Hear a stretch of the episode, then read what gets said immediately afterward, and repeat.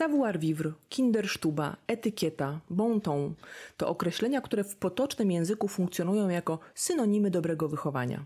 No i niby wszyscy wiedzą, co to znaczy być dobrze wychowanym, ale w praktyce okazuje się, że wciąż pojawiają się sytuacje, które sprawiają nam trudności.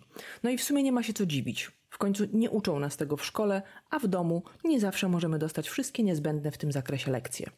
A znajomość etykiety przydaje się nie tylko w życiu prywatnym, ale przekłada się też na efektywność prowadzonych interesów. Uśmiech, gestykulacja, właściwa postawa ciała, umiejętność odpowiedniego reagowania na sygnały werbalne i mowę ciała wszystko to ma znaczenie podczas rozmów biznesowych. Mimo to wciąż można usłyszeć, że ten cały savoir-vivre to anachroniczne, skomplikowane zasady, że to przesada i w obecnych czasach są to bezwartościowe, nieistotne i nieprzystające do współczesnego świata reguły. Warto jednak pamiętać, że wiążą się one z zasadą podstawową, a ta dotyczy szacunku i uważności wobec drugiego człowieka. Osoby dobrze wychowane są grzeczne, opanowane, a swoje relacje z ludźmi opierają na poszanowaniu ich godności, okazując uprzejmość i życzliwość. I kierując się już tylko tymi zasadami, możemy uniknąć wielu towarzyskich wpadek. I czy tego chcemy, czy nie, to zasady dobrego wychowania towarzyszą nam 24 godziny na dobę, 7 dni w tygodniu. A moja gościni, Ewa Brock, która porzuciła matematykę, aby szkolić z zakresu savoir-vivre i etykiety biznesowej, doskonale wie, że savoir-vivre naprawdę się liczy. Rozmowę zaczynamy od tego, czym jest dla Ewy savoir-vivre, ale rozmawiamy też o tym, kiedy popełniamy najwięcej błędów, które zachowania zdaniem Ewy są wysoce niestosowne w biznesie, a które ją najbardziej irytują. Ewa daje garść bardzo praktycznych wskazówek do pracy w obszarze, w którym widzi najwięcej niedociągnięć i opowiada o swojej największej wpadce, która wydarzyła się ponoć całkiem niedawno. Ci, którzy znają Ewę, wiedzą, że jest najlepszą wizytówką tematu, którym się zajmuje. Serdeczna, radosna, uśmiechnięta, zawsze świetnie przygotowana i kompetentna. Serdecznie zapraszam.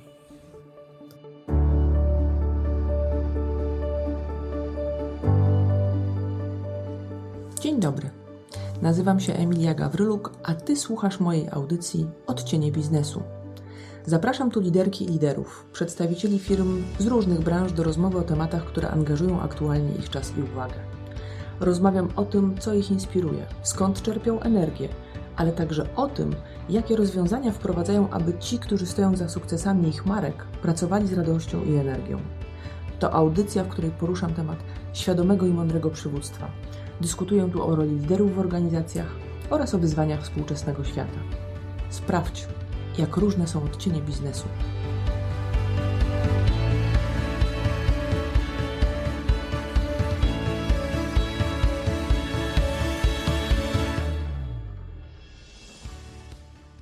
Dzień dobry.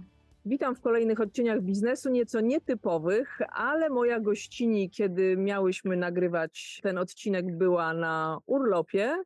Później ja zdecydowałam się polecieć na urlop i w związku z tym nagrywamy ten odcinek rzeczywiście w nietypowych warunkach. Moją gościnią jest dzisiaj Ewa Brok.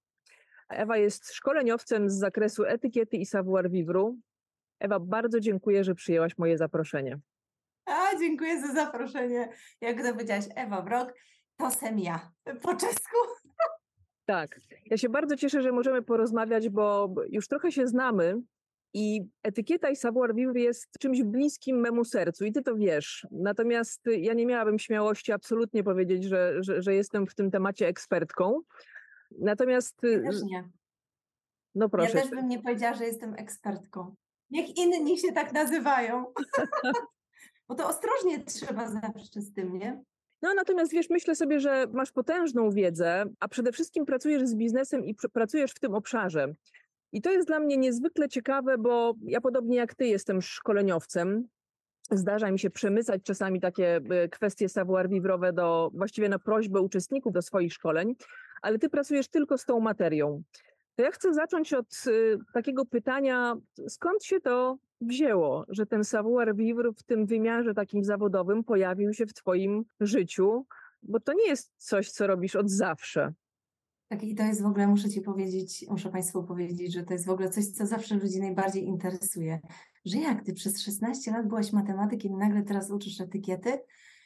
I faktycznie tak y, Ja ci to mówiłam też, Emilia, że jestem z rodziny wielodzietnej, gdzie u nas był taki bardzo duży szacunek i człowiek liczył się ze zdaniem rodziców i mój tata twierdził, że mimo tego, że ja, tak jak i ty, gdzieś tam teatr był nam bliski, to nie chciał w ogóle słyszeć o jakimś aktorstwie czy w ogóle byciu na scenie. Po prostu powiedział, że tak, matematyka to jest dziecko dla ciebie dobry kierunek, to zawsze będziesz miała pracę, jak nie pracę stałą, to korepetycje, także przeżyjesz. No i ja tą matematykę skończyłam i przez 16 lat pracowałam jako matematyk na różnych szczeblach edukacji. Miałam oprócz tego zawsze samorząd uczniowski, miałam, w ogóle chyba pierwszy raz taką historię w ogóle opowiadam. miałam zawsze gdzieś Młodzieżowa Rada Miasta, gdzieś mnie ciągnęło do takich rzeczy społecznych. I przyszedł taki moment, że ja faktycznie zaczęłam zauważać taki kryzys norm zachowań wśród młodych ludzi, nie tylko w stosunku do pań sprzątających, do wykładowców, do nauczycieli, ale też i do siebie nawzajem. I pomyślałam, że tego po prostu nigdzie nie ma. To, co uda mi się przemycić na różnych, podczas różnych akcji samorządowych, czy godzin wychowawczych, czy, takich spotkań właśnie z młodzieżą, to jest tylko tyle, co udaje mi się przemycić z tej etykiety, z tej kultury. Ale nie ma tego w szkole.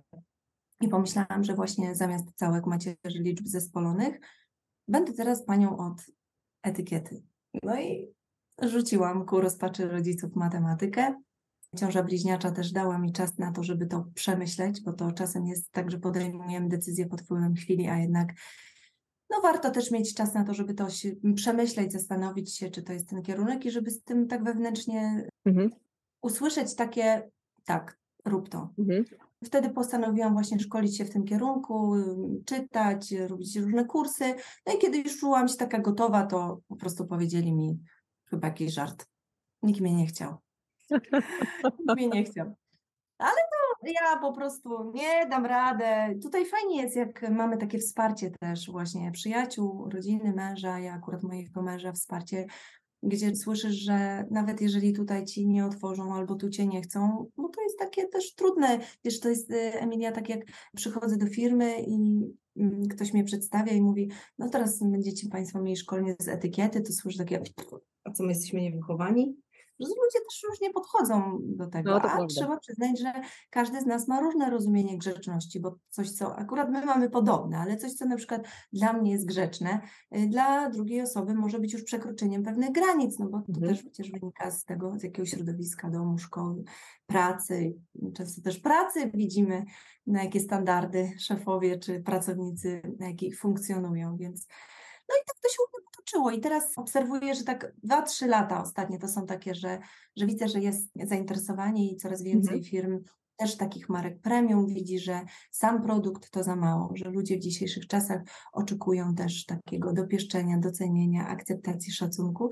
No a za tym stoi właśnie ta kultura, ta empatia, mhm. zasady dostosowania, więc tutaj tak się to spina powiedziałaś, nie umawiałam się z tobą na to pytanie, więc też zrozumiem, jak mi powiesz, nie, nie będę z tobą gadać o prywatnych rzeczach w odcinku. Natomiast wspomniałaś bliźniaczki. Ty masz trzy córki wspaniałe tak. i dwie małe bliźniaczki. Sama tak o nich mówisz, cudnie. To chciałabym cię zapytać, bo też wspomniałaś o tym, że no w szkole nie uczą etykiety dobrego wychowania. Czy ty jakoś swoim dziewczynom w sposób specjalny podajesz tą wiedzę z savoir vivre? Bo tak się zastanawiam, wiesz, jak się obcuje z tobą, to, to się czuje, że to ma dla ciebie znaczenie. Zresztą jak żeśmy się poznały, to żeśmy się trochę śmiały z tego, że obydwie tak. byliśmy pewnie odrobinę spięte i patrzyłyśmy sobie być może trochę na ręce, chociaż i to jest taki element, więc się zastanawiam, czy dziewczynki jakoś dostają od ciebie taką, wiesz, szkołę etykiety w domu przemycam im czasem, wiesz, a to dobre pytanie, bo akurat ostatnio właśnie żeśmy rozmawiały przy stole, że już wiedzą, że jak sztućce się raz weźmie ze stołu, to one już nie powinny się na tym stole znaleźć, nawet jeżeli mają się oprzeć, widelec o talerzyk i stół, że nie, że kładziemy je na, na talerzyku, jeszcze nie znają tego ułożenia sztućców, ale ostatnio była właśnie o serwetce, że serwetka nie służy do wycierania nosa, tylko do osuszania ust, aby szklanka była czysta. I właśnie jak Krzysiek Krzysiek przyszedł do stołu, to one, a tata, czy ty wiesz, po co jest serwetka przy stole? Więc można po prostu małym dzieciom, tak jak wczoraj właśnie Laurze powiedziałam, jak masz pstrokatą górę, to fajnie jak dasz dół spokojny, czyli gładki, one już teraz same się ubierają, ale no mimo to muszę czuwać nad tym, wiadomo. No. I ona dzisiaj przychodzi do mnie rano, mamo, a mogę zamienić, że wezmę pstrokate getry, a bluzkę wtedy y, czystą? Ja mówię, tak, możesz to zamienić. I można w mhm. taki sposób, taki subtelny gdzieś tam zarzucić. Ze starszą, tą 19-letnią już jest gorzej, ale no cóż, no. Czy gorzej? Myślę sobie, że pewnie już jest na tyle dobrze, że w ogóle nie potrzebuje, albo teraz na jakiś czas się ciebie radzi. Natomiast to już jest dorosła dziewczyna. Fajnie jest powiedzieć po co, y, w sensie mhm. takim po co to jest, na przykład, że właśnie, że też sztućce, bo no dzieci zadają pytania i fajnie, że je zadają po co, mhm. że po co te, czy te sztućce, no żeby nic nie ściekło z tego widelca, żeby nie mhm. pobrudzić, czasem on się omsknie, y, żeby nie pobrudzić tego obrusa, po co ta mhm. serwetka, no właśnie, bo później ta szklanka jak się ją bierze, czy lampka odwinięta z tłuste, tłuszczem, czy almettę po prostu obklejone całe wszystko, więc jak dziecko dostaje informację, po co to jest i w jakim celu, to jakoś tak mi się wydaje, że to jest tak z matematyką, że jak coś jest zrozumiałe, to jest takie od razu łatwiejsze, takie oczywiste. Nie, no, faktycznie, no, no tak, tak. No. no. Pod jednym warunkiem, że macie kto wytłumaczyć, bo ja jeżeli chodzi o matmę, to pewnie nie powinnam się przyznawać, ale miałam raczej słabe doświadczenia. Być może zadawałam pytania, ale nie zawsze dostawałam dobre odpowiedzi. To nie jest moja mocna strona ale nie przeszkadza ci to, a propos tych kompetencji twardych, że zobacz, że kompetencji twardych jesteśmy w stanie się nauczyć. Jakby ci było to potrzebne, to byłabyś się w stanie nauczyć. A takich kompetencji społecznych, umiejętności takich miękkich, to człowiek po prostu też jest w stanie się nauczyć, ale to mhm. trwa dłużej i to na pewno się bardziej przydaje niż ta matematyka, nie? Wiesz co, tak, natomiast ja wiesz, ty jesteś matematyczką, ja jestem filolożką polską, z wykształcenia przynajmniej. Ja akurat nie pracowałam w szkole, ale myślę sobie, że w zasadzie moja pierwsza praca poza, właściwie tak, pierwsza praca była już pracą w sprzedaży i ta matematyka w jakimś sensie była mi potrzebna. To prawda, że ja to nadrabiałam, ale to jest trochę jak z savoir vivre. Nie dostajemy go i później jednak jest ciężko. Te twarde kompetencje być może łatwiej, nie wiem, nawet z tej perspektywy to nie wiem, wiem, że to nie było dla mnie takie stryknięcie palcami, tylko to była taka, wiesz, rzetelna robota, siadanie do Excela, uczenie się i programu i wielu takich rzeczy, które bardzo by mi przydały się w pracy. No właśnie, i to jest też taki kawałek, którego dzieci nie dostają w szkole, ten savoir vivre i etykieta a uważam ja osobiście, że to powinien być przedmiot w szkole. To znaczy, że wiesz, że tego się powinno uczyć. No bo tak jak powiedziałaś, dzieciaki pytają i fajnie jak pytają i dostają odpowiedzi. Z dorosłymi nie jest już tak łatwo. To znaczy, dorosły jak nie wie, no właśnie, jakie masz doświadczenia? Co robią dorośli, jak nie wiedzą, jak się zachować? I zachowują się tak, jak wiedzą, czyli tak jak klasyczny Polak, nie znam się, a się wypowiem i jeszcze tego usilnie bronią. Trochę to tak jest, że wiesz, y, ja pamiętam jak ja stanęłam przed studentami pierwszy raz właśnie z moim cyklem y, i mówię, Boże, ktoś będzie chciał mnie słuchać właśnie z tym moim cyklem od etykiety, z etykiety i po tym skończonym cyklu w ankiecie ewaluacyjnej dostałam informację, że szanowna Pani, jeśli Pani przychodzi do nas z takim tematem, to mm, nie powinna Pani używać zwrotu w każdym bądź razie, bo to jest błąd. Powinno być w każdym razie lub bądź co bądź. Byłam wdzięczna tej pani za to, że po pierwsze nie na forum, a dyskretnie po mhm. prostu w ankiecie, a po drugie byłam wdzięczna za to, że w ogóle zechciała zwrócić mi na to uwagę, bo dla mnie to było wtedy bardzo i jest nadal bardzo istotne, mm, bo u mnie moi rodzice tak używali, koleżanki moje z pracy tak używały. Dla mnie to było mhm. tak powszechnie osłuchane, jak to witam w mailu, że było to dla mnie jedyne prawidłowe. I teraz jakby ktoś mhm. mi to zwrócił na to uwagę, to ja bym pewnie się zaczęła z tym w ogóle kłócić, bo ludzie mają coś takiego, że bronią nawet tak. już nie tyle swojej racji, ale bronią swojego dobrego imienia. Jak ja mogłam się pomylić? A tu człowiek skruszony przez miesiąc później uczył się tego w każdym razie. Teraz wszędzie słyszę to w każdym bądź razie.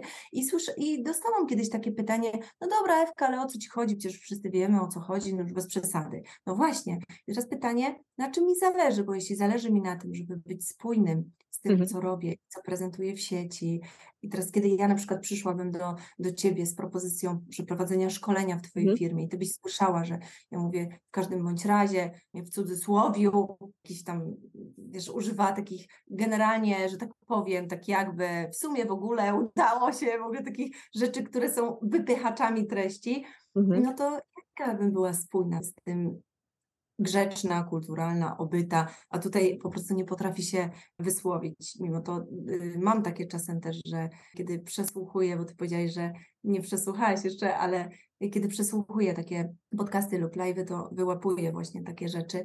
I to mhm. też jest fajne, żeby móc też y, być w stosunku do siebie takim, nie mówię zawsze krytycznym, ale wziąć pod uwagę to, że po prostu no, jesteśmy w jakiś sposób wychowani. No, mm, mamy jakieś przyzwyczajenia, jakieś naleciałości i one wcale nie muszą mieścić się w tych standardach czy kultury słowa, zachowania, czy języka. Nie? Wiesz, ja generalnie wszystkie odcinki, które nagrywam, e, zawsze je przesłuchuję, jak przygotowuję shorty na przykład, ale w ogóle przesłuchuję. Na początku to było skrajnie trudne doświadczenie, ze względu na to, że trudno nam się słucha swojego głosu.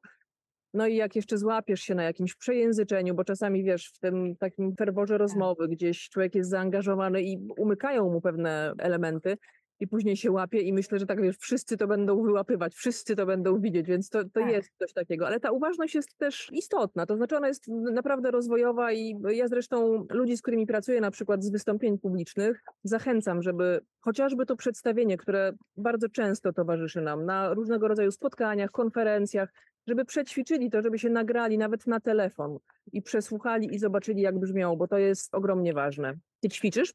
Powiem Ci, że y, jestem za tym, co powiedziałaś, czyli ćwicz. Nagrania, które y, mam dwa lata temu, jak y, do nich czasem zajrzę gdzieś, to mówię, Jezu, nie, w ogóle trzeba to w ogóle usunąć z sieci. Ale ostatnio miałam sytuację, że jedna firma poprosiła mnie o spotkanie na Teamsie, zanim podejmie decyzję o wybraniu akurat mojej oferty i mhm. na 15-minutowe spotkanie.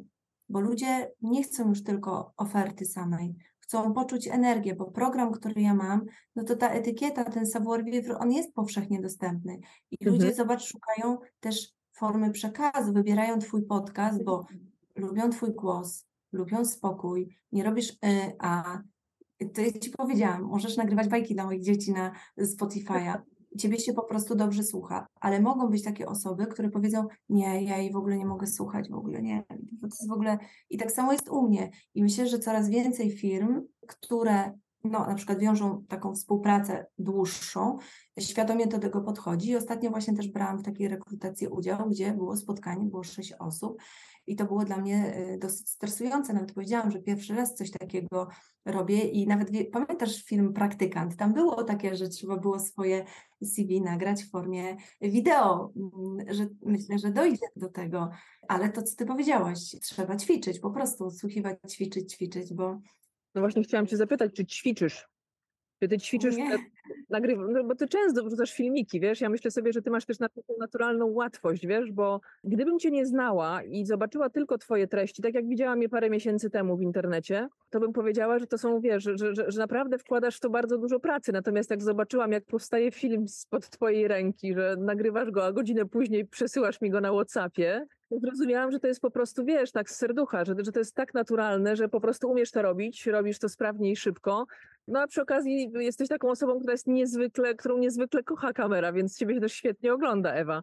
To też nie jest łatwe usiąść z tobą, wiesz, przed kamerą i się masz, e, nagrywać. Masz, taj, masz tajlandzkie tło, żywe, opaleniznę, jak ja widzę to moje oczy ciemne a tutaj taka świeżość, jak to moje dziecko starsze mówi, mamo, ja mówię, Ola, jak wyglądam? Ona, mamo, dzisiaj jest fresh. I ty jesteś dzisiaj taka fresh. Sergiusz Ryczel fajnie powiedział właśnie, że nagrywać, nagrywać, nagrywać. I to, co mi się spodobało, że moja pauza, ona trwa zawsze dłużej dla mnie niż dla odbiorców. Tak. I ja się tego na przykład teraz uczę, żeby nie mówić za szybko, nie mówić za dużo, robić przerwy, tak jak ty, stosujesz pauzy, bo widzisz jej moc w tym. I to jest też tak, takie istotne nawet w rozmowie takiej, czy bezpośredniej, czy wideo, to też świadczy o naszej kulturze, o też o tym, że nawet jeżeli ktoś ma do nas jakieś pretensje i my odpowiadamy w sposób spokojny, taki nie lekceważący, nie robimy min, utrzymujemy kontakt wzrokowy, to świadczy o nas bardzo dobrze, że jesteśmy w stanie na klatę wziąć, nawet jeżeli coś skopaliśmy a ludzie mają z tym problem, że na przykład zaczynają popiskiwać, właśnie mówić szybko, tłumaczyć się zbyt szybko, zamiast poczekać, aż trochę temperatura się obniży. I to są, powiem Ci, takie rzeczy, że myślę, że trzeba, po prostu trzeba ćwiczyć. I to jest tak jak ze wszystkim, jak z taką grzecznością, jak z takimi zwyczajami przy stole, ściąganiem łopatek zamiast wypychaniem piersi do przodu. Od razu się muszę poprawić. No wiesz, tam ktoś kiedyś powiedział, że ładnie jest ściągać łopatki, bo to wtedy od razu się tutaj ramiona prosto i jak siedzisz na przykład, nie unoś nosa do góry czy brody, tylko czubek głowy, tak jakby cię mieli, tak. wiesz, pociągnąć do sufitu, że to jest taka sylwetka niearogancka, nie jesteś jakim bufonem, ale jesteś osobą, która sprawia wrażenie, jestem teraz tu dla ciebie, pewna siebie, zdecydowana, gotowa na to, żeby z tobą rozmawiać w sposób profesjonalny. Wiesz, to jest niezwykle ważne. Ludzie się czasami z tego śmieją, ale ja na przykład, jak uczyłam się swojej pracy z głosem, bo nie ukrywam wcale, że to nie jest takie łatwe usiąść przed mikrofonem i nagrywać ładnie, w sensie, wiesz, że to też trzeba trochę pracy w to włożyć to jak dostałam od osoby, która zajmuje się pracą z głosem wskazówkę, połóż sobie książkę i spróbuj nagrać się, po prostu mówić tak, jak mówisz, ale mówiąc z książką na głowie, tak jak kiedyś się siadało, sadzało dzieci przy stole z książką na głowie, żeby siedziały właśnie tak prosto i ładnie, jak pokazałaś, to powiem Ci, że ja naprawdę poczułam gigantyczną różnicę. To znaczy, nie tyle ją poczułam, jak nagrywałam, ale w odsłuchu. I to jest magia. To znaczy, wiesz, jak zobaczysz, że ten dźwięk się wydobywa inaczej z ciała, bo masz rozluźnione wszystko, całą klatkę piersiową i mówisz, wiesz, nie ściskasz niczego w gardle, to zaczynasz zwracać na to uwagę, więc to jest też ta magia. Muszę to spróbować, ale to jest super pomysł. Koniecznie, koniecznie. Ewa, no to ja bym Cię chciała zapytać, czym jest dla Ciebie savoir vivre, bo wspomniałaś i powiedziałaś, że to jest czasami tak, że ludzie mówią, no ta pani przyszła i tu będzie nas szkolić, czy my jesteśmy niewychowani. Ja bym chciała to trochę odczarować, bo my żeśmy na ten temat rozmawiały, ale chciałabym, żebyś powiedziała, czym jest dla ciebie etykieta, savoir vivre, jak ty to czujesz, bo myślę sobie, że to francuskie słowo jednak brzmi dla ludzi w taki sposób, że ono dystansuje. I paraliżuje. Tak, i paraliżuje. Powiedz proszę, jak ty to czujesz i jak chciałabyś, czy też jak uczysz, żeby do tej etykiety podchodzić? Wiesz co, tak po ludzku. Ja zawsze mówię, że ja trochę, dlatego ja nie jestem ekspertem. Ja się nigdy nie nazwę ekspertem od etykiety, bo ja y, właśnie przełamuję trochę y, ten mit takiej sztywnej, dworskiej etykiety, bo uważam, że to właśnie nie o to chodzi, że ludzie już nawet, zobacz, nawet ten wysoki protokół dyplomatyczny Bruksela, że tam już coraz częściej tą etykietę się łamie, właśnie w celu, żeby te relacje ocieplić. Dla mnie, co znaczy etykieta? Dla mnie to jest to, że uśmiech, serdeczność, zagadanie, podziękowanie, docenienie kogoś, dziękuję.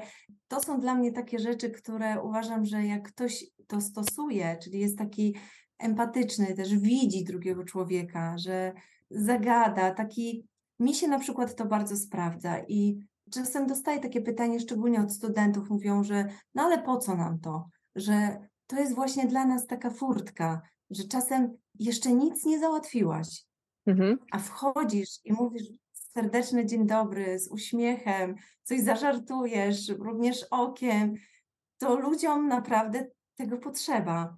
I wtedy dużo łatwiej jest mm, coś, e, no nie powiem, że uzyskać, ale no bo wszyscy jesteśmy biznesowo w jakimś celu.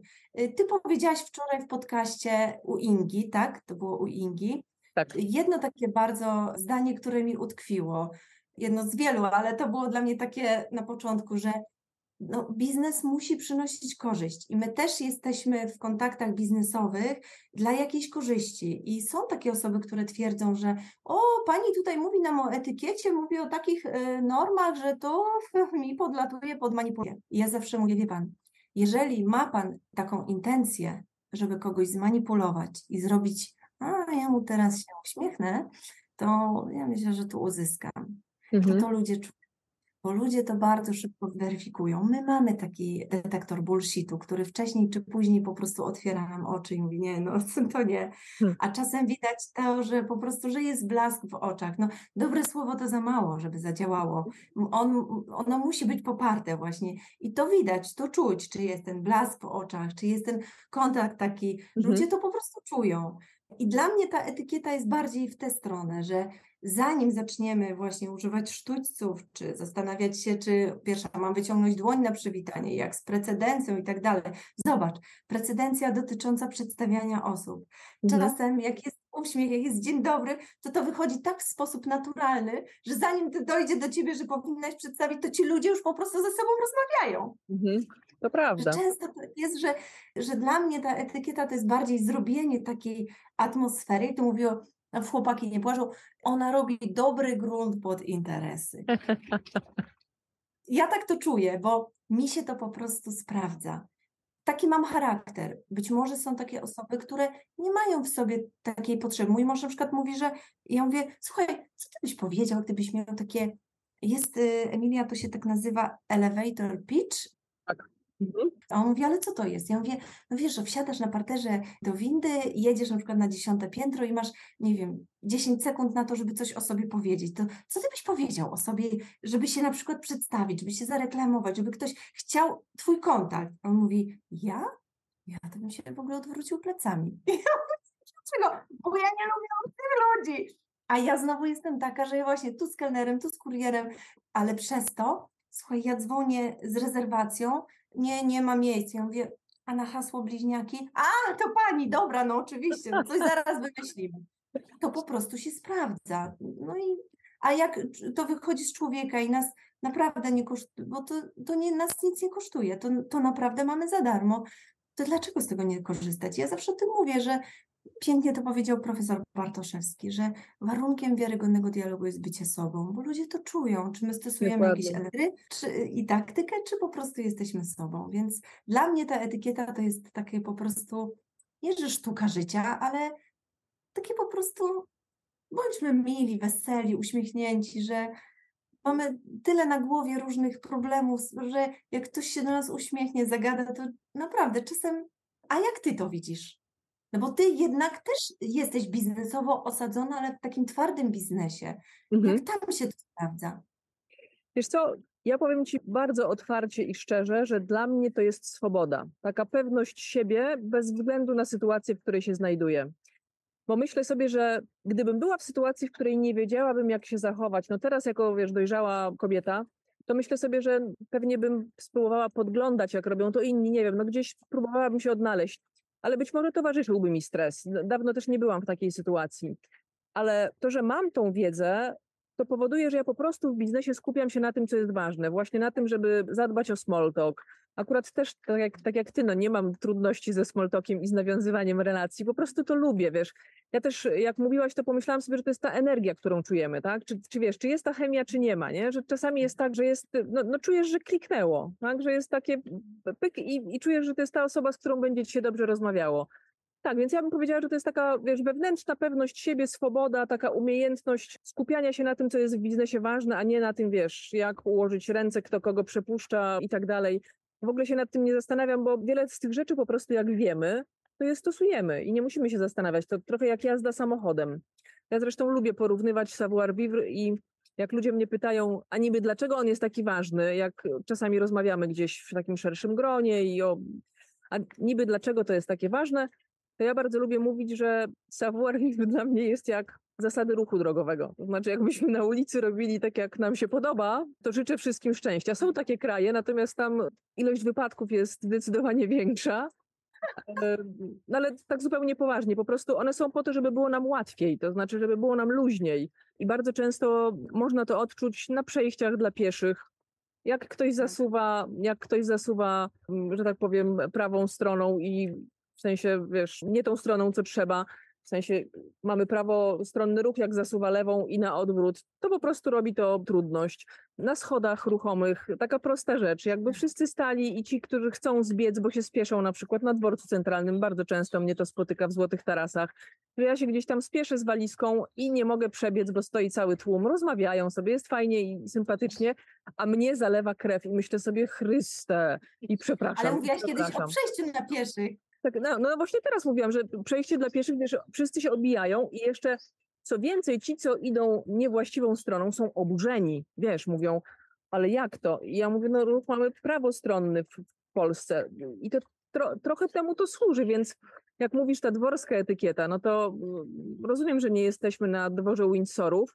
Tam rzeczywiście, jak wspomniałaś, że tą etykietę nawet dyplomaci łamią, to ja nie tak dawno czytałam taki artykuł, że rzeczywiście no Barack Obama na przykład, nie wiem, chyba poklepał papieża, Benedykta poklepał po ramieniu, a Gorbaczowa ubrała czerwoną sukienkę, jak jechała do papieża. No różne śmieszne rzeczy robili, już nie będę tam wytykać polskich polityków, bo to nie jest fajne, a trochę tego jest. Natomiast rzeczywiście są takie momenty, gdzie takie, wiesz, nawet nie tyle świadome, co takie złamanie etykiety sytuacyjne, kontekstowe, nikogo nie, nie kole w oczy, po prostu przechodzimy na, do porządku dziennego.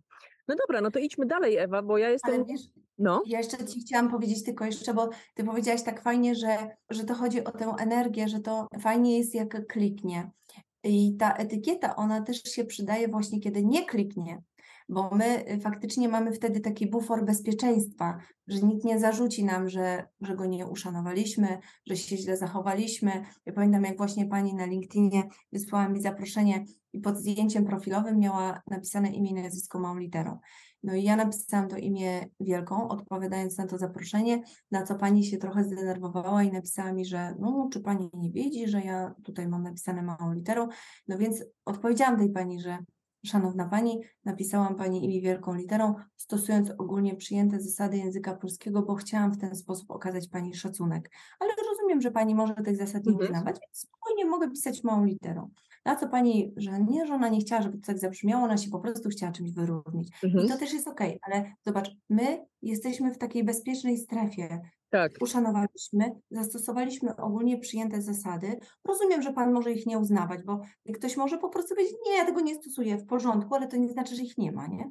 No z tą dużą literą w imieniu i w nazwisku to ja bym pewnie trochę polemizowała, bo ale rozumiem, no ktoś może tak mieć, no niech tam już. Znaczy jak Mam tak, bo teraz na przykład mówi się o feminatywach i to jest trochę tak, że ja zazwyczaj pytam swoje gościnie, jak je mam przedstawić, czy są prezeską, czy są prezesem i tak dalej. I szanuję to. To znaczy, jak ktoś nie lubi używać feminatywów, to dla mnie jest to oczywiste, że ja szanuję to, że, że, że moja gościni tego nie lubi, źle się z tym czuje i, i to jest okej. Okay. Natomiast to jest też ciekawe, wiesz, bo jak powiedziałaś o tej chemii, o tym takim trochę skracaniu dystansu, bycie życzliwym, serdecznym i tak dalej, to też ze względu na różne style osobowości, to czasami jest tak, że my jesteśmy takie, jakie jesteśmy, to znaczy szybko skracamy dystans i tak dalej, a z drugiej strony trafia się ktoś, kto jest jednak dużo bardziej zdystansowany. I wtedy rzeczywiście myślę sobie, że, że te zasady dobrego wychowania nas ratują. Jeżeli nie przekroczymy tutaj granicy, no to być może doprowadzą do tego, że trochę więcej czasu będziemy potrzebowały, ale że to w końcu gdzieś tam kliknie. Tak, bo wiesz, my możemy faktycznie, no często tak jest, że ty jest jako osoba, która właśnie znasz się na tych stylach i jesteś w stanie też dużo szybciej niż ja na przykład rozpoznać taką osobę, ale często widzimy, czy to jest osoba właśnie otwarta, uśmiechnięta i też wiemy, jak się do niej dostosować. Jak widzimy już taką zdystansowaną, to właśnie ja zawsze mówię, lepiej jest zacząć od wyższego C. Po co mhm. piszesz w tych mediach społecznościowych na LinkedInie od razu na ty? A może ktoś nie życzy sobie, może ktoś no. potrzebuje czasu, żeby przejść na formę po imieniu. I tak czasem mnie ludzie gdzieś oznaczają w publikacjach, gdzie ktoś się buntuje przeciwko tym przej na pan, pani. No ale zobacz, zawsze mówię, nie wiesz jak się zachować w sieci? To jest tak, jakbyś się zachował w realu, bo to jest przedłużenie tego. Jakbyś się zachował w realu? Podszedłbyś do kogoś obcego, powiedział, siema, no nie, no powiedziałbyś dzień dobry, po prostu. I pewnie na początku na pan pani. I dużo lepiej jest, kiedy ktoś wtedy powie, nie, no przecież nie będziemy sobie paniować, no bez przesady. Ale przyznaj, że my też na początku byliśmy pan pani. Pan, my byliśmy pan pani, ale kiedyś też ktoś do mnie powiedział, e, czy stoi pan w kolejce? Ja się zwróciłam, tak. Tak, żeśmy były na pani pani i ja powiem ci, że ja rzeczywiście, mimo to, że wiem, że taka powszechnie obowiązująca etykieta jest, że mówimy sobie na ty, ja mam z tym trudność. I to nie jest tak, że ja mam z tym trudność, bo teraz, nie wiem, mam, wiesz, tam 40 kilka lat i mam z tym trudność, bo się zrobiłam, nie wiem, stara i poważna. Nie, zawsze miałam z tym trudność, to znaczy też moja mama i moja babcia, która bardzo przywiązywała do tego wagę, uczyły mnie tego dystansu. I ja na przykład uważam, że to jest ten moment, w którym sobie powiemy, że możemy przejść na te, albo czy możemy, jak on następuje chwilę później, jest jakoś bardziej taki, nie wiem, no ja czuję, że on jest bardziej taktowny niż takie skracanie dystansu. Wiesz, też być może dlatego, że ja przez całe życie pracowałam w sprzedaży i pracuję w sprzedaży dalej. I jak ktoś pisze, bardzo często nie znając mnie zupełnie, dzień dobry pani Emilio i tak dalej, to mam wrażenie, że to jest takie sztuczne skracanie dystansu, które czemuś służy, to o czym trochę wspominałaś. Taki element manipulacji, trochę się znamy, już panią lubię i tak dalej. Więc myślę sobie, że to takie, ten taki moment, y, chwila czasami kilka dni, kilka tygodni, w niczym nam tu, niczego nam tu nie przyspieszy, a bardzo często ludzie mówią, nie, widzę, że jesteśmy w podobnym wieku, może przejdźmy, czy to nie będzie problemu, jak będziemy sobie mówić na ty. Myślę sobie, że to tak, jakoś lubię, jak, jak jest porządek w tych relacjach. Tak, a, a jeszcze wiesz, jak na przykład spotykamy się na żywo, no to też widzimy wszystkie te elementy, które towarzyszą y, słowom, czyli właśnie uścisk dłoni, który też dużo mówi, tak. postawa ciała, kontakt wzrokowy, uśmiech i, i, właśnie wtedy może zakliknąć. W mediach społecznościowych jest dużo trudniej, bo zobacz, czasem jest tak, ja czasem tak słyszę, Boże, Ewka, ty jesteś taka sama jak na tych filmikach, tylko że przeklinasz. I ja mówię, no tak, faktycznie, bo to jest też ważne, że my kreujemy się w jakiś sposób w tych mediach społecznościowych, no e, staramy się tam dbać o swój wizerunek, często też dostaję pytanie, no ale czy szef ma prawo ode mnie żądać, żebym na przykład nie brał udziału w takich forach dyskusyjnych. Jeżeli godzi to w politykę firmy i nie jest związane z wartościami, wizją firmy, to tak, ma prawo dbać o swój wizerunek, jeżeli y, widzi, że komentujesz, a pod spodem, pod imieniem, nazwiskiem jest nazwa firmy. To ma też znaczenie, bo to widzą klienci, kontrahenci i tak dalej. Ale do czego zmierzam? Że my powinniśmy, znaczy powinniśmy. Fajnie jest, kiedy, już straciłam chyba wątek, a propos tego, raz mi się tak zdarzyło, że miałam wystąpienie na żywo i w ogóle e, nie miałam żadnych karteczek z takimi hasłami, o czym mam mhm. mówić. To była konferencja właśnie na żywo transmitowana e, dla jednej z firm farmaceutycznych i po prostu zapomniałam w ogóle, co mam dalej mówić zapomniałam i patrzę się w to oko kamery i mówię, proszę Państwa, pozwolą Państwo, że się napiję, może mi się przypomni po prostu, co miałam powiedzieć dalej. Ile to trwało, ale faktycznie uśmiech tam tych operatorów i tak dalej, no i faktycznie jakoś poszło, ale to są takie sytuacje trudne, tak jak teraz. No. To się czasami zdarza i to też jest naturalne, bo też no, uciekamy w różne wątki.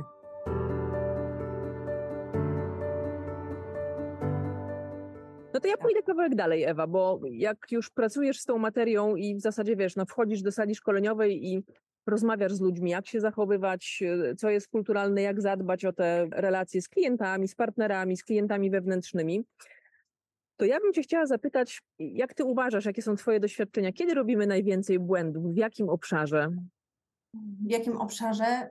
Chyba jednak w tym kontakcie niebezpośrednim czyli w korespondencji mailowej, telefonicznej. Pandemia trochę pokazała, że na dużo więcej sobie pozwalamy. Zobacz, sama o tym powiedziałaś. Dzień dobry, Pani Emilio. Że jest to dla Ciebie takie, że nie.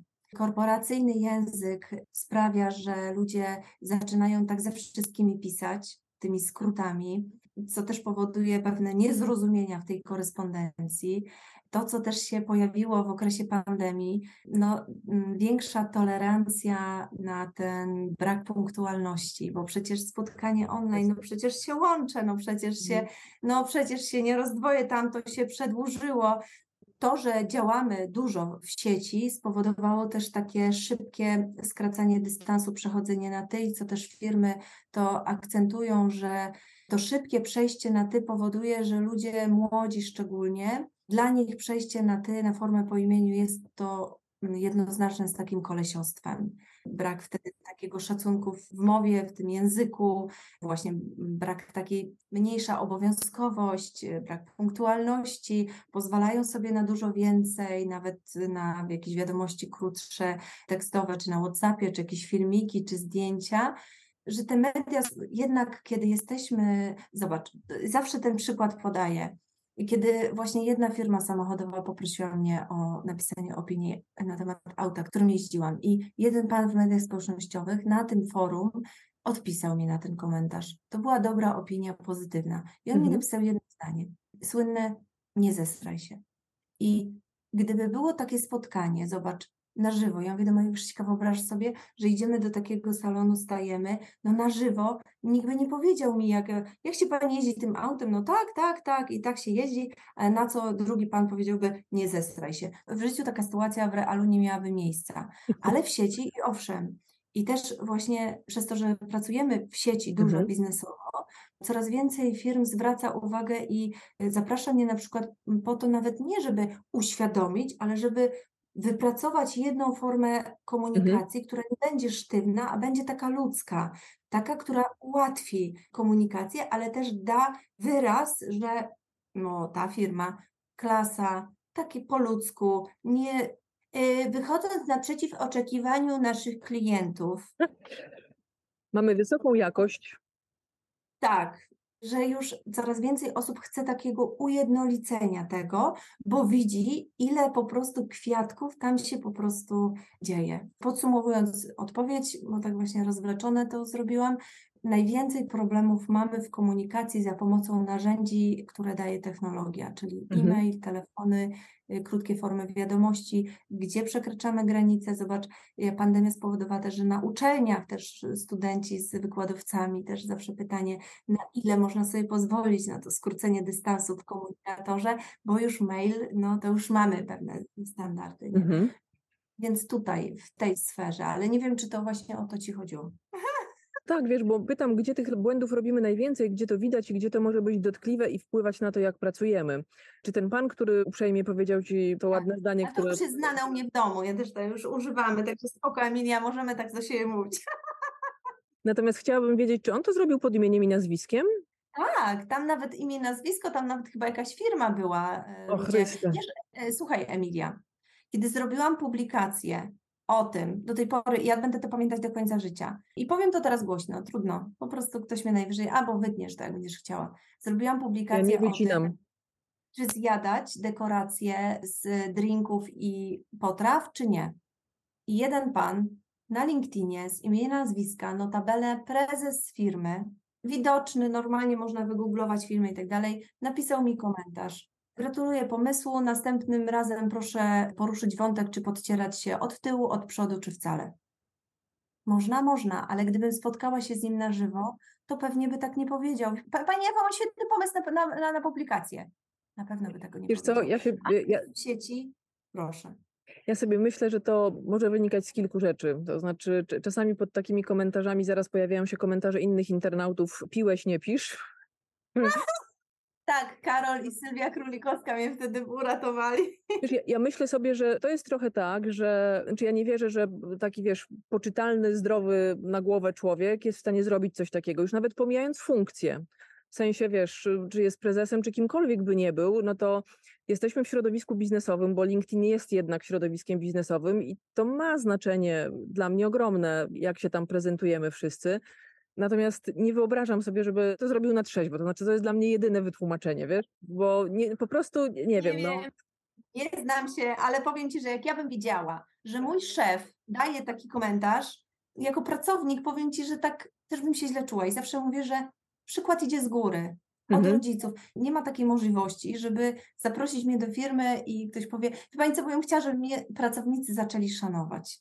Mhm. To tak, się, to tak się nie da po prostu, że ktoś przyjdzie, zrobi szkolenie albo cykl szkoleń i nagle będzie szacunek. Nie, bo tak. to przykład idzie z góry. Tak jak rodzice z dziećmi, tak i mhm. nauczyciele y, z uczniami, no jednemu zakładają kosz, drugiemu no nie. I, i tak samo w pracy, no chcesz mieć mhm. autorytet, szacunek, to podchodź właśnie z szacunkiem, z empatią. I teraz ja zawsze mówię, jakim jesteś dyrektorem, takich będziesz miał po prostu pracowników. Myślę, że tu tutaj jest duża rola.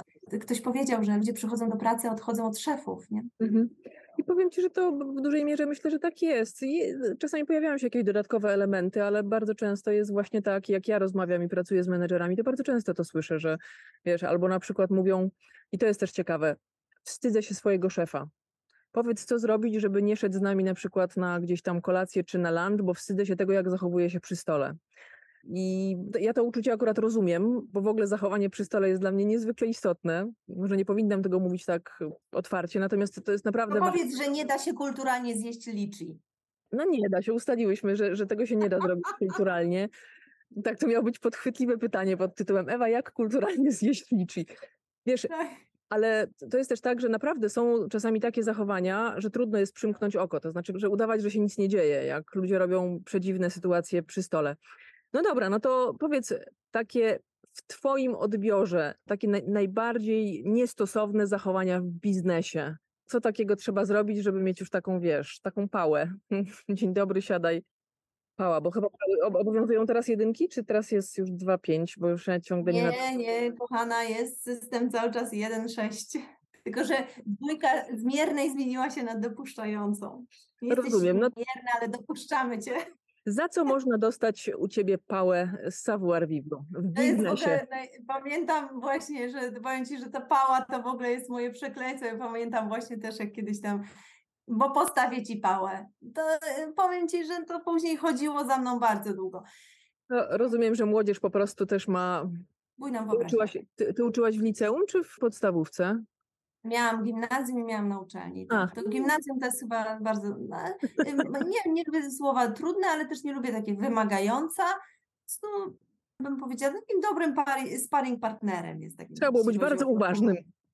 To, co dla mnie jest numero uno, to jest punktualność. Ludzie bardzo sobie to cenią, a mam wrażenie, że w obecnych czasach, kiedy właśnie ten czas jest towarem deficytowym. Zobacz, nawet Wielka Orkiestra Świątecznej Pomocy, oprócz licytacji, gdzie masz do wylicytowania rzecz, często masz do wylicytowania czas spędzony z jakąś osobą, czyli Tak. czas staje się towarem takim bardzo dla nas istotnym.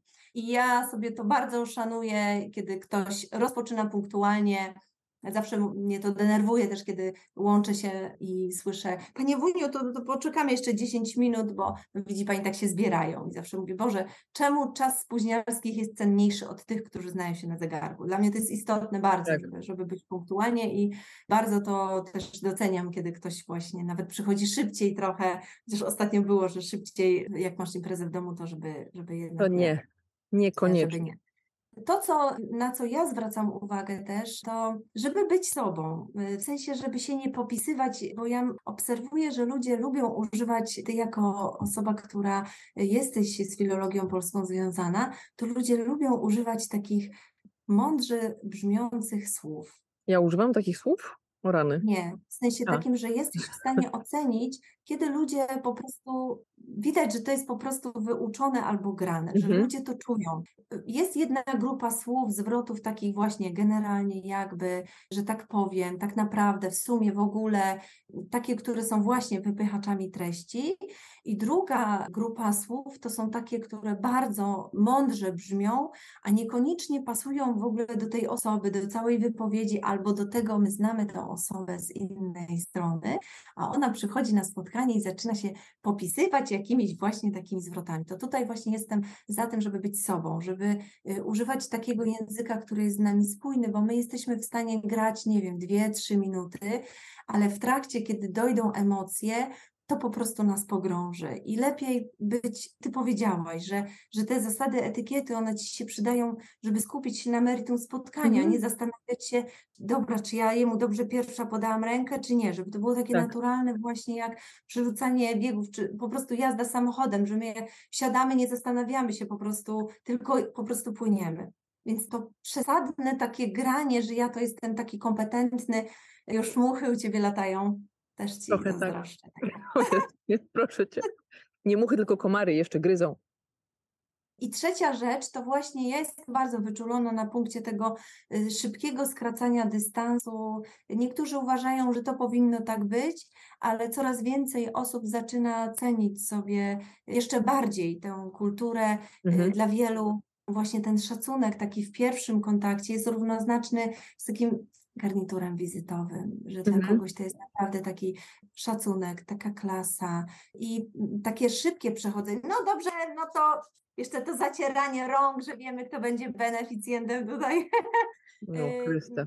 Tak, więc te trzy rzeczy, czyli punktualność, zwracajmy uwagę na język, którym się porozumiewamy, żeby właśnie on był taki nasz, prawdziwy, naturalny, bo czasem nie wiem, czy pamiętasz scenę z Titanica, kiedy właśnie Leonardo DiCaprio poszedł pierwszy raz na tą kolację przy tym okrągłym stole i ktoś tam mu rzucił, nie, ktoś mu podał zapałki, on sobie odpalił i zaczął opowiadać właśnie, taki to był fragment dotyczący jego życia, on odrzucił te zapałki i on pokazał po prostu siebie, bez tego właśnie takiego nadęcia.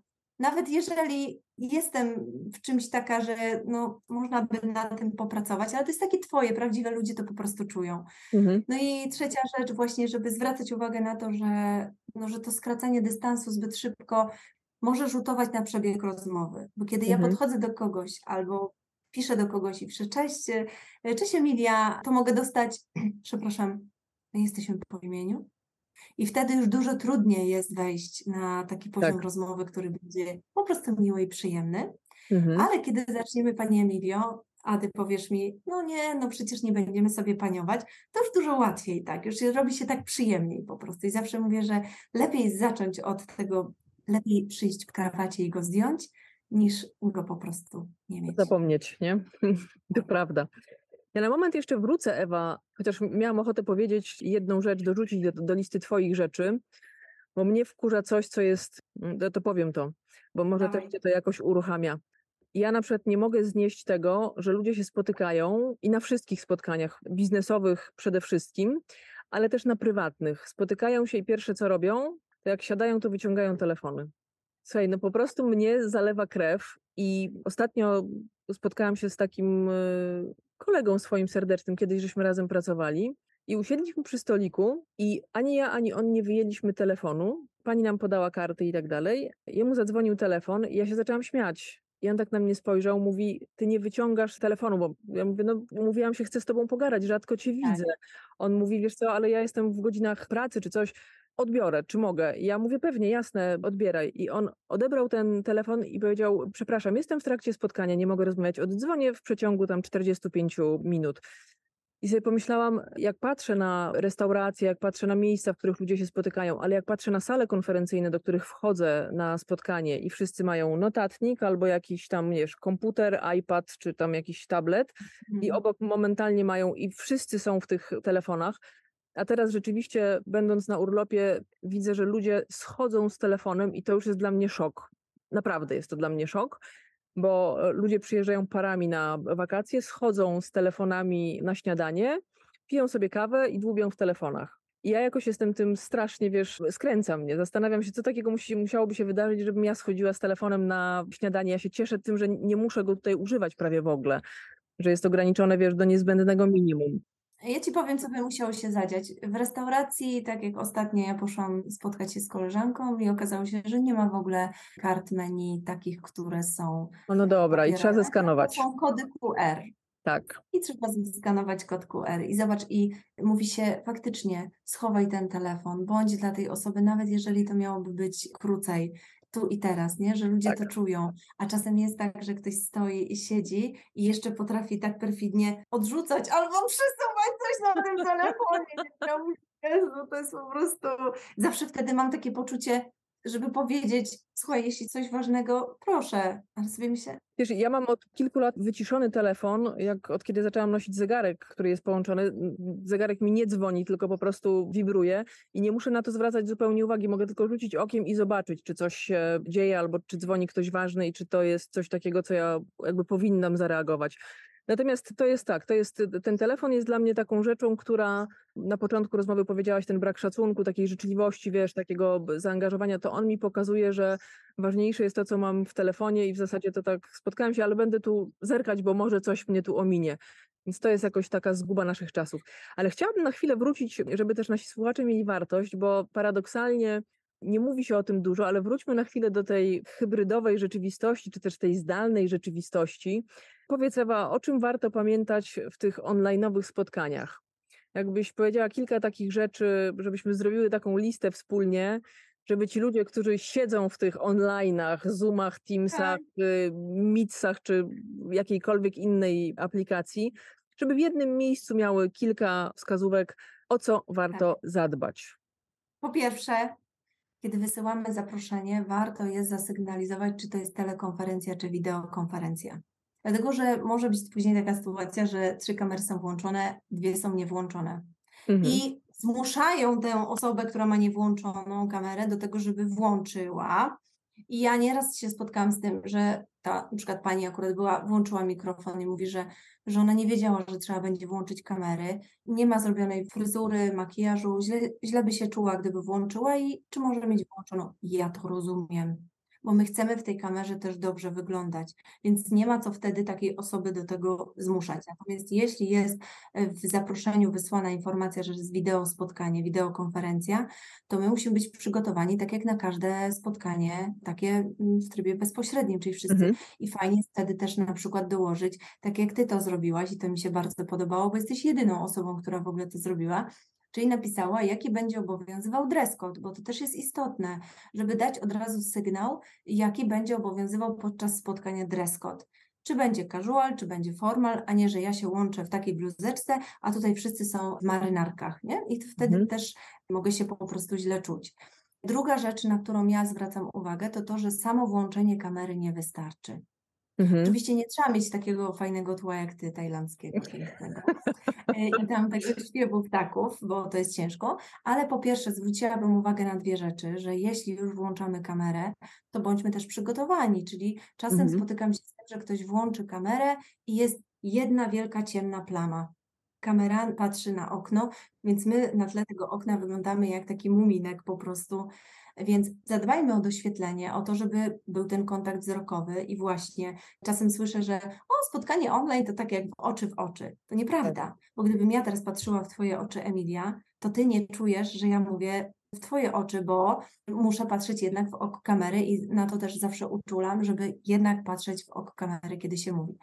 Pamiętam spotkanie, gdzie byli uczestnicy konferencji. Na początku, tam było chyba 30 osób, na początku było włączone kilka kamer, ale nie było zasygnalizowane, czy mają być włączone. I co się stało? Po kilkunastu minutach wszystkie kamery były wyłączone. Mhm. Okej, okay, w porządku, po pierwsze, zadbajmy o to, żeby nie był w tej ikonce, nie był to, żeby to było nasze zdjęcie, które przede wszystkim mm, pokazywało, że tak wyglądamy naprawdę, bo czasem jest tak, że po miesiącu wracamy do biura i ludzie, a to ty? Na zdjęciu inaczej wyglądasz, czyli nasze zdjęcie, a nie tak jak ostatnio pan miał w ziemię wbity szpadel i miał takie zdjęcie wstawione po prostu jako, wyświetlało się w ramach przy wyłączeniu tej kamery. I to, co też ważne, żebyśmy mieli świadomość tego, że jak już tę kamerę włączymy, to że my jesteśmy po prostu widoczni. A ja kiedyś poprosiłam, żeby ktoś z Państwa, bo tam nikt nie włączył kamery, zechciał włączyć kamery. Jeden Pan włączył na tym się kamerę, a na tym się jest tak, że no jak masz jedną osobę, to po prostu masz ją na cały ekran. Tak. Pan zapomniał, że włączył tą kamerę, bo on miał mnie na całym ekranie, siebie gdzieś tam w rogu. I on zaczął po prostu tam, wziął jakiegoś kota, zaczął mu wybierać jakieś kłaki, potem sobie naciągnął sweter, zaczął sobie te sznurki wycinać, aż w końcu musiałam po prostu przy, przystawić teczkę, ale ktoś mu tam powiedział życzliwie, że, że jest w ukrytej kamerze. Ta punktualność, o której y, tak o której ja mówię, no to jest ona dla mnie jest kluczowa, czyli sprawdźmy zawsze to połączenie, czy, czy działa po prostu ten link, mhm. bo my możemy powiedzieć, że ok, do min dwie minuty przed się zaloguje, ale trzeba też przyznać, że on może po prostu coś tam być wadliwe, więc żebyśmy mieli czas to zgłosić. To, co ty powiedziałaś też o small talku, kiedy jesteśmy 10 minut wcześniej, jesteśmy moderatorami spotkania, czy osobami, które wprowadzają, organizatorami, to fajnie jest też no, wprowadzić tych ludzi, czyli rozpocząć czymś takim, co będzie zachęcało do rozmowy. Może nie jestem zwolennikiem, skąd jesteście i czy u Was jest słońce, czy deszcz, ale wziąć taki temat, który jest, zawsze mówię, Ewka, ale masz takie trzy tematy, takie top. No właśnie nie ma takich, bo ja zawsze mówię, że top to jest taki, który jest żywy, czyli mhm. dajmy dzisiaj galę Oscarową, że a widzieliście to? A słyszeliście o tej sytuacji? Jakiś taki wątek, który będzie interesował wszystkich. Może nie jakiś polityczny, może nie jakiś religijny, ale taki, który zaciekawi. Ja y, pamiętam taką sytuację, że jeden pan na przykład nie wyłączył mikrofonu. Włączył się, ale nie wyłączył mikrofonu, tylko wyłączył kamerę i z żoną tam zaczął się sprzeczać, że on nie będzie jadł tej czarniny. No i co to za zupa i tak dalej. No i wtedy była właśnie dyskusja, najgorsza zupa? Nie, to kto to wymyślił kompot z makaronem? Najgorsza zupa z przedszkola, nie w ogóle ze szkoły. Więc jestem za tym, żeby small talk był tak rozweselający, rozkręcający.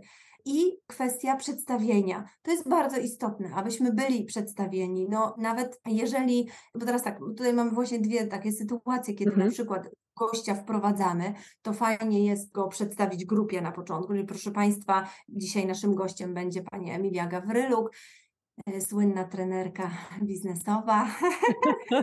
I wtedy y, pani Emilio pozwoli pani, że przedstawię wszystkich y, uczestników. I wtedy mamy dwa wyjścia. Albo możemy zrobić to samemu, czyli pani taka, pani taka powiedzieć o stanowisku, powiedzieć czym się zajmuje, albo oddać głos, czyli pozwoli Pani, że uczestnicy przedstawią się, oddam głos i wtedy na przykład z imienia nazwiska prosić. Ale tutaj właśnie zawsze mówię, że ja, jeżeli to jest takie spotkanie, gdzie różne osoby z różnych firm e, się spotykają, to fajnie jest w zaproszeniu oprócz dress code'u dać taką informację, że będzie prośba o przedstawienie się i wtedy proszę powiedzieć o tym, o tym, o tym. W sensie, że jakie informacje są potrzebne, bo ludzie czasem Mhm. jak słyszą powiedz coś o sobie, to mówią czasem takie pierdoły. A tu chodzi Tak. o to, żeby na przykład było, o czym się zajmowałem ostatni projekt, albo na przykład właśnie jakiś coś takiego, co, mm, co jest faktycznie potrzebne i każdy Mhm. to samo powie. Bo no, to jest tak jak sytuacja, kiedy ktoś przychodzi do biura i słyszy, czego się pan napije? "E, Whisky z lodem. No to akurat whisky może być, ale może być herbata na przykład rumiankowa, gdzie jest nieobecna, więc Mhm. wtedy zawsze mówię, zaproponuj konkretnie, czyli y, czy, czy Mhm. mogę panu zaproponować coś do picia, może kawę, herbatę, może coś gazowanego, zimnego albo sok. Na przykład, nie? I Mhm. wtedy ma już jakiś konkret, że jak proponujesz, to daj coś po prostu już konkretnego do wyboru. No i to chyba byłoby na szybko tak. Ty masz na pewno coś swoje do dodania. Wiesz nie, bo chyba powiedziałaś o tych wszystkich rzeczach, które też dla mnie są jakoś ważne. Mhm. Ten strój, tak, ten dress code, przychodzenie w dresach jakoś y, no, na mnie słabo działało, a widziałam parę osób. Jedzenie w trakcie. To jest O, coś tak. takiego. To jest Mhm, jedna rzecz, która mnie też jakoś. Pomyślałam sobie, że rzeczywiście zdarzały się takie spotkania. Jak miałam spotkania z zespołem i one były na przykład o godzinie dziewiątej, to bardzo często część z nas albo żeśmy pytali, albo umawialiśmy się, słuchajcie, zacznijmy o dziewiątej, żeby było wcześniej, no bo też żeśmy tak pracowali, że z różnych stron żeśmy dojeżdżali. To zacznijmy o dziewiątej, ale zjedzmy wspólnie śniadanie. I żeśmy te pierwsze pół godziny mieli, wiesz, ustalone na śniadanie, a nie było takiej sytuacji, że ktoś wchodził z miseczką, wiesz, z owsianką, a ktoś inny mówił, o, masz coś do jedzenia, to ja też sobie zrobię. No i wiesz, początek tego spotkania Tak, cały tak, tak. szedł w, w ten. Ale wiesz, Emilia, a propos jedzenia, to jeszcze zawsze sobie pytanie, czy można pić i tak dalej. No to woda, no wydaje się takim standardem, ona nie jest jakaś taka rzucająca się, ale zawsze mówię, że kawa też jest przyjemna, czy herbata i Mhm. zawsze y, fajnie też zapytać, y, albo dopytać, albo napisać w zaproszeniu, że proszę być przygotowanym, mieć ze sobą właśnie ciepłą kawę, herbatę, czy tak jak my na przykład się umawiamy na Zoom, Tak. że różne propozycje robimy y, napitków. W zależności od pory i kontekstu. Tak, tak. Mhm. Więc y, tutaj zawsze mówię, że tak, y, jeśli chcesz pić kawę w trakcie spotkania biznesowego, po prostu zapytaj, czy nie będzie nikomu przeszkadzało. Bo to jest tak, uderzanie jednak talerzyka o filiżankę, siorbanie gdzieś tam czasem, więc tutaj zawsze mówię, zapytaj, tak jak ty powiedziałaś, pytasz o feminatywy. Zawsze mówię, zapomniałaś imienia, gdy się ktoś przedstawił. Nie rób tragedii, nie mów bezosobowo, po prostu dopytaj, bo ja Tak. nie usłyszałam, czy, czy możesz mi powtórzyć. Tak samo z tymi feminatywami. Ja uważam, że ludzie w ogóle dużo łatwiej by było, gdyby precyzyjnie wyrażali to, co potrzebują. Tak, a propos tych feminatywów, to miałam taki moment, że się wkurzałam i mówiłam, ale dlaczego, wiesz, tam próbowałam przekonywać, a później sobie pomyślałam, Chryste, no w ogóle to nie moja sprawa, no co czy wiesz, że jakbyś, jak miałam bliskie koleżanki, to gdzieś wchodziłam w tą rozmowę próbując zrozumieć, gdzieś używać argumentów, które są jakoś istotne z mojej perspektywy, ale każda forma jakiejś takiej re represji czy zmuszania myślę sobie, że nie jest fajna. Ona jest dla mnie przekroczeniem jakoś, no właśnie, zasad etykiety, ale w takim kierunku, którego nie, nie lubię. Myślę sobie, że to powinno być miło, tak jak mówisz, życzliwie i serdecznie, a nie jakoś, wiesz, z mm, napinką.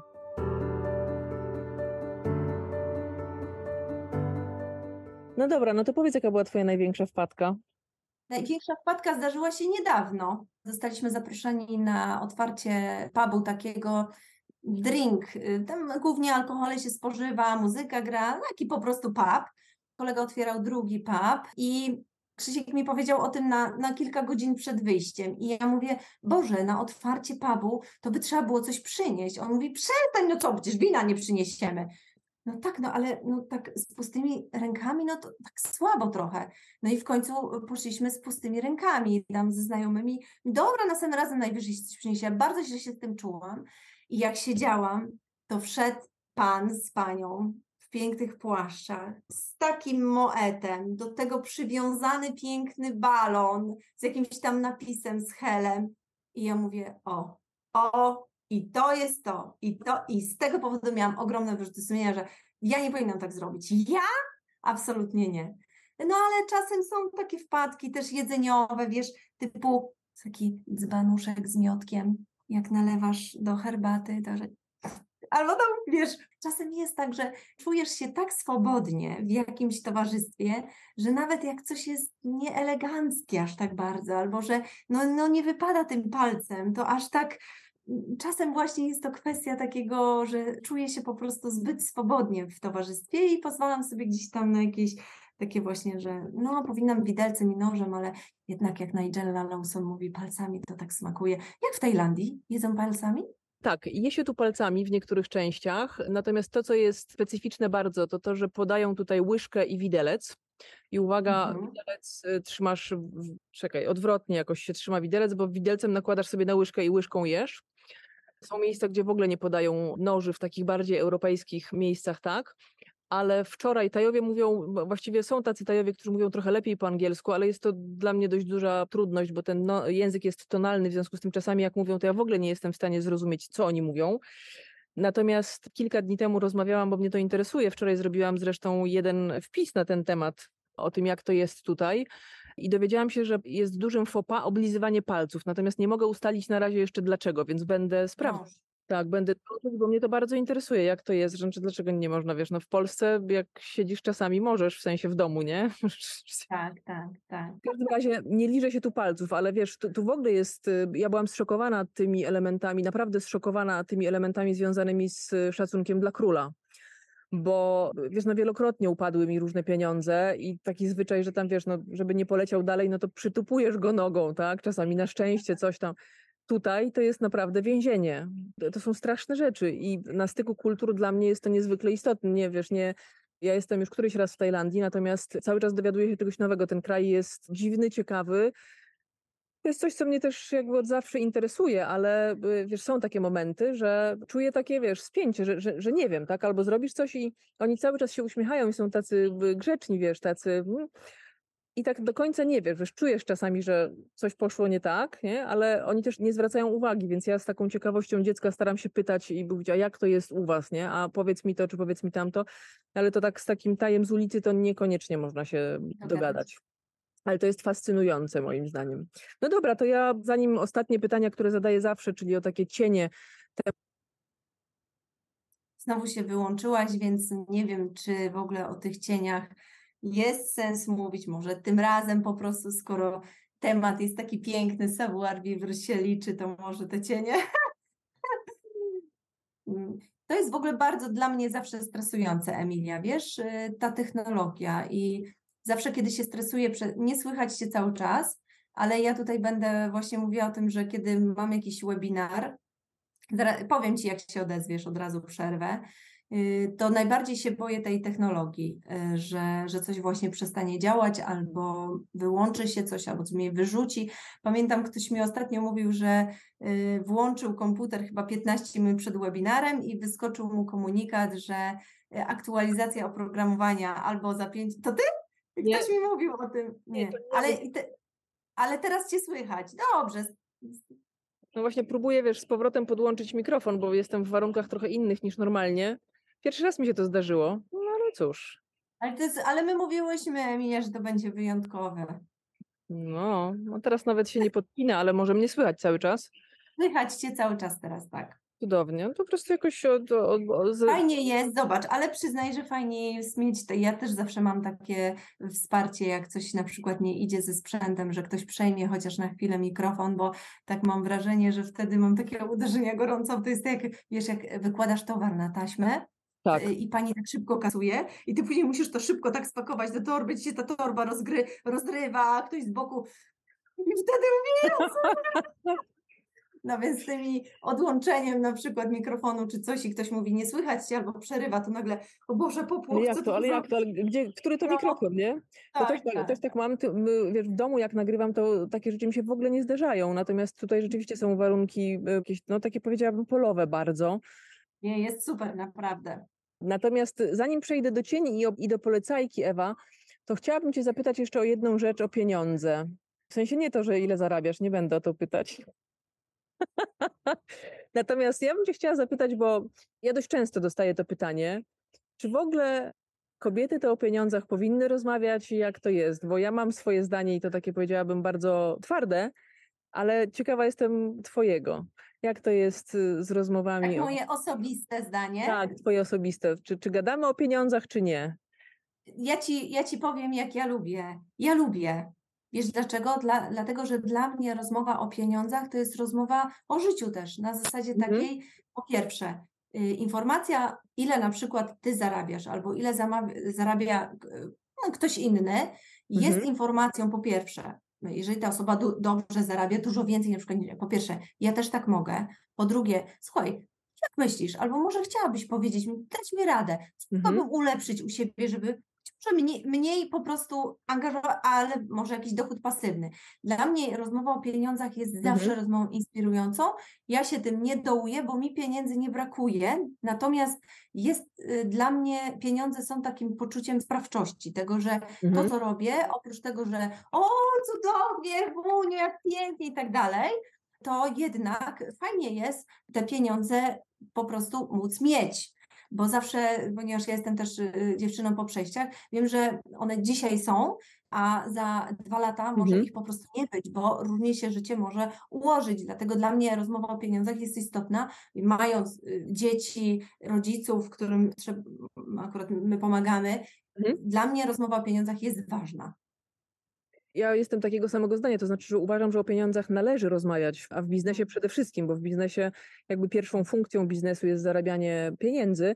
Czasami jest tak, że wiesz, ktoś przekracza moją granicę i jak wpada takie pytanie, to ile zarabiasz? Natomiast nauczyłam się też odpowiadać, w sensie takim, że wiesz, że mogę postawić tą granicę, że, że, że to, że ktoś zadał takie pytanie, to nie znaczy, że ja muszę od razu z otwartością i wszystko na tacy podać. Mogę powiedzieć, wiesz, na przykład o pieniądzach wolę nie rozmawiać, ale te pieniądze są takim języczkiem uwagi i bardzo często dostawałam takie pytanie, to jak z tymi pieniędzmi, no bo jak przychodzi, to ludzie zaczynają się dygać. Ja mówię, no ale przecież musicie porozmawiać o pieniądzach, żeby się dogadać. No jak negocjujecie warunki, no to wśród wielu różnych warunków jednym z nich są ceny, tak? Warunki wykonania pewnej usługi i tak dalej. No to się cieszę, że to powiedziałaś, bo ja bym chciała, żeby ludzie się ośmielili, przede wszystkim kobiety, żeby się ośmieliły, mm, żeby o pieniądzach rozmawiać. Fajnie mieć takie wsparcie też, Emilia, żeby mieć zaufanie do ludzi i, i móc też zapytać. Ja na przykład ostatnio też z Tomkiem właśnie Chojnackim wyceniałam tam mm, jedną ofertę i fajnie mieć zaufanie i osoby takie, do których można zadzwonić. Słuchaj, taka sytuacja, proszę Cię, pomóż mi, bo faktycznie różne czynniki składają się na Mhm. wycenę takiego szkolenia i dojazd, i przygotowanie materiałów, czasem w ogóle zupełnie inny temat dołożony jeszcze i, i wiesz, i fajnie jest zadzwonić do kogoś, od kogo słyszysz, słuchaj, u mnie to się sprawdza, to, to, to, to, ja to robię tak, tak. o, fajny pomysł, super, widzisz, to jest tak jak z tą książką, tak na głowie, że zawsze gdzieś coś ktoś podpowie, co mu się sprawdza i mi się wydaje, że po to ludzie właśnie też piszą biografię, żebyś przeczytał i wyciągnął z tego po prostu, co tobie może się po prostu sprawdzić, Mhm. nie? Tak, to jest istotne. Ja zresztą lubię, to znaczy, wiesz, ja w ogóle myślę sobie, że dlatego z ludźmi rozmawiamy, dlatego jesteśmy w interakcji, bo ty też masz taką ciekawość naturalną świata, że jakby wiesz, dość szybko rzeczywiście skracasz dystans, bo doświadczyłam tego nie tak dawno, więc wiem i mogę o tym powiedzieć, że, że robimy to razem. My żeśmy sobie nawet chyba ręki nie zdążyły podać, witając się za pierwszym razem. Natomiast rzeczywiście te nasze kontakty wcześniej były takie, że miałam takie wrażenie, że się już znamy bardzo dobrze, w sensie, że wiesz, że jak żeśmy się spotkały, to, to byłyśmy już po, Emilia, ja na koniec, e, przepraszam, mam e, takie pytanie. Może ty byś zrobiła jakiś konkurs? Ja bym dała dwie książki i wysłałabym z dedykacją dla osób, które na przykład pierwsze udzielą odpowiedzi. Daj coś takiego tajlandzkiego, takiego z etykiety tutaj Tajlandii, takiego, dawaj jakiś konkurs zrobimy. Daj jakieś pytanie i pierwsze osoby, które napiszą odpowiedź, wysyłam im książkę z dedykacją. W prezencie. No i nie, no znowu się wyłączyłaś w takim momencie, to mi powiedz, że już mam kończyć. Taki mam pomysł, że oczywiście ten, kto nie ma, ale ten, kto ma, może na przykład komuś podarować, może będzie chciał. Nie masz kończyć, słychać mnie już w ogóle nie wiem, co to za Tak, tak. To chcę powiedzieć tak, że pytanie w takim razie zadamy w poście, bo ja zawsze, tak, oczywiście.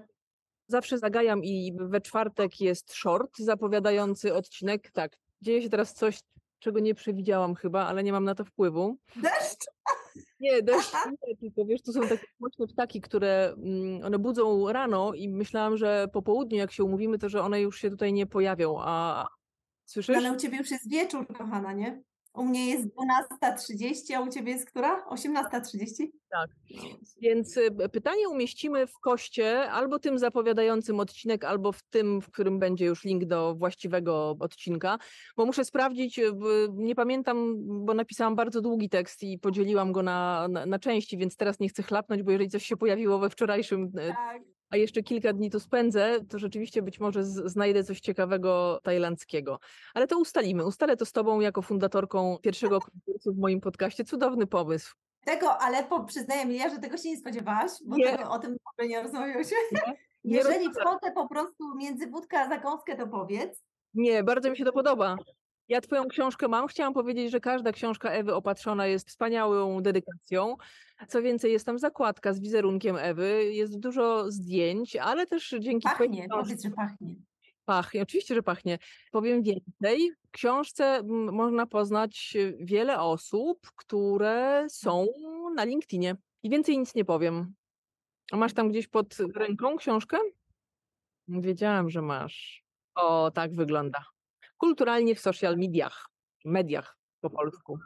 No to cudownie, to, to mamy to. Ewa, no to cienie, jakieś cienie tego tematu, którym się zajmujesz, masz, czy zupełnie nie? Bo jedna rzecz padła, że, że ludzie tak na początku to tak patrzą na ciebie mm. spod oka i mówią, i co teraz będziesz mnie uczyła tutaj kultury osobistej. Tak, że ma się zgadzać na koncie, że ma być deal, że ma być umowa, to jakim e, sposobem się to osiągnie, to nieważne, że właśnie są osoby takie, które podważają i właśnie kojarzą to z takimi dworskimi sztucznościami, które w obecnych czasach w ogóle nie mają racji bytu.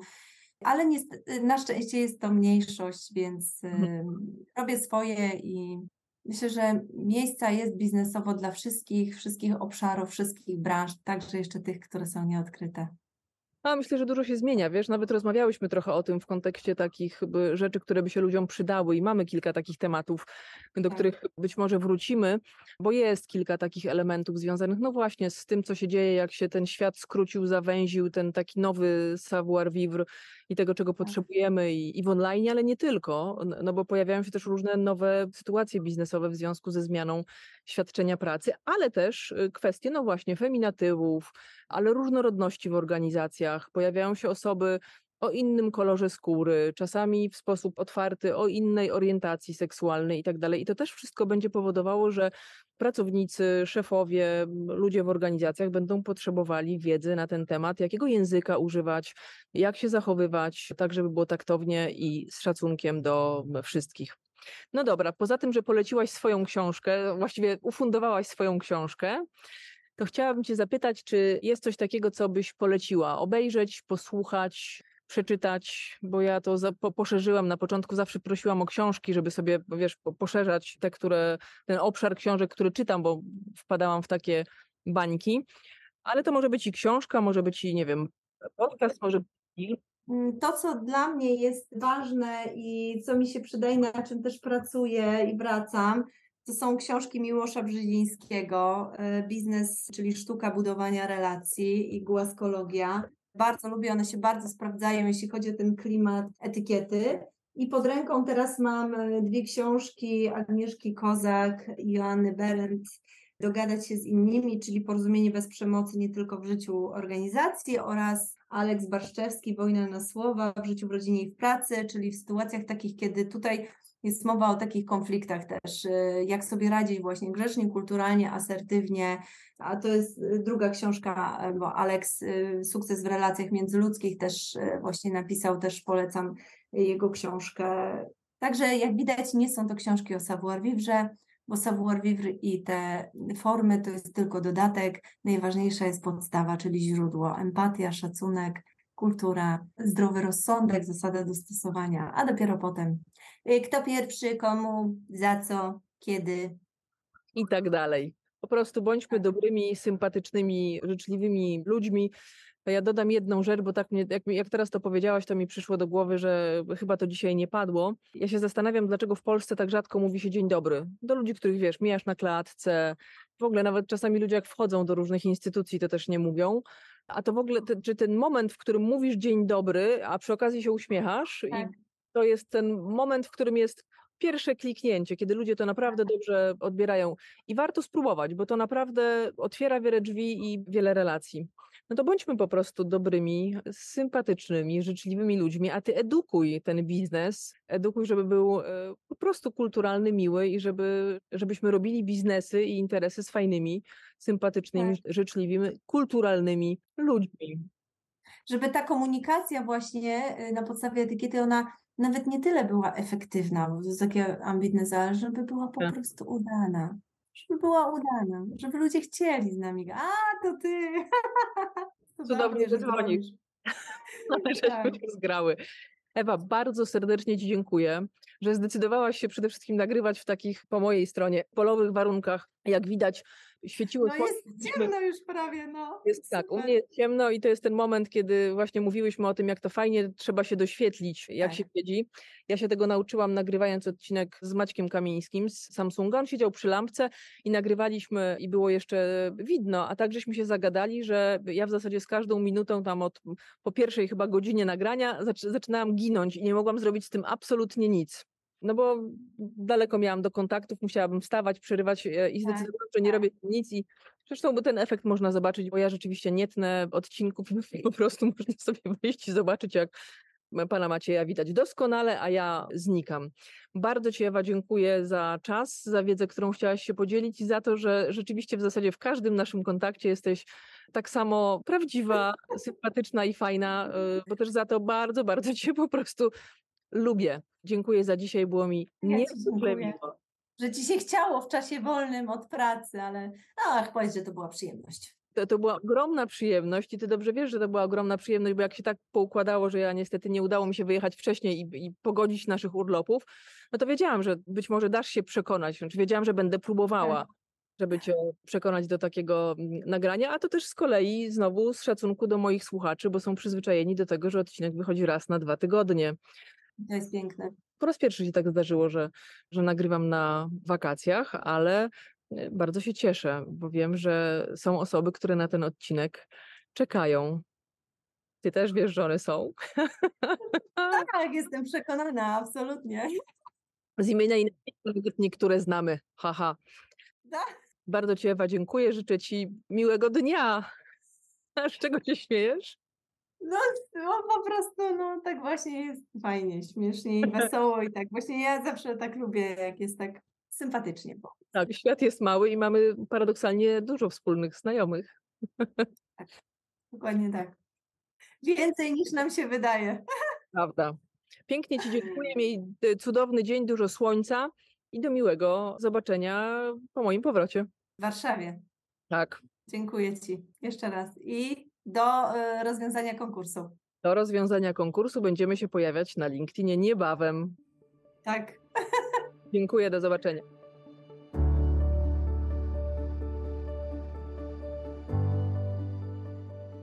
Dziękuję za Twój czas. Mam nadzieję, że nasza rozmowa była dla Ciebie inspirująca. Jeśli Ci się podobała, udostępnij ją znajomym Zostaw lajka i zasubskrybuj, aby nie umknął Ci żaden odcinek. Będzie mi miło, jeśli podzielisz się swoją opinią. Napisz kilka słów recenzji. To dzięki Tobie mogę się rozwijać i trafiać do szerszego grona odbiorców. To dla mnie ważne i bardzo Ci za to dziękuję. Już dziś zapraszam Cię na kolejny odcinek. Sprawdź, jak różne są odcienie biznesu.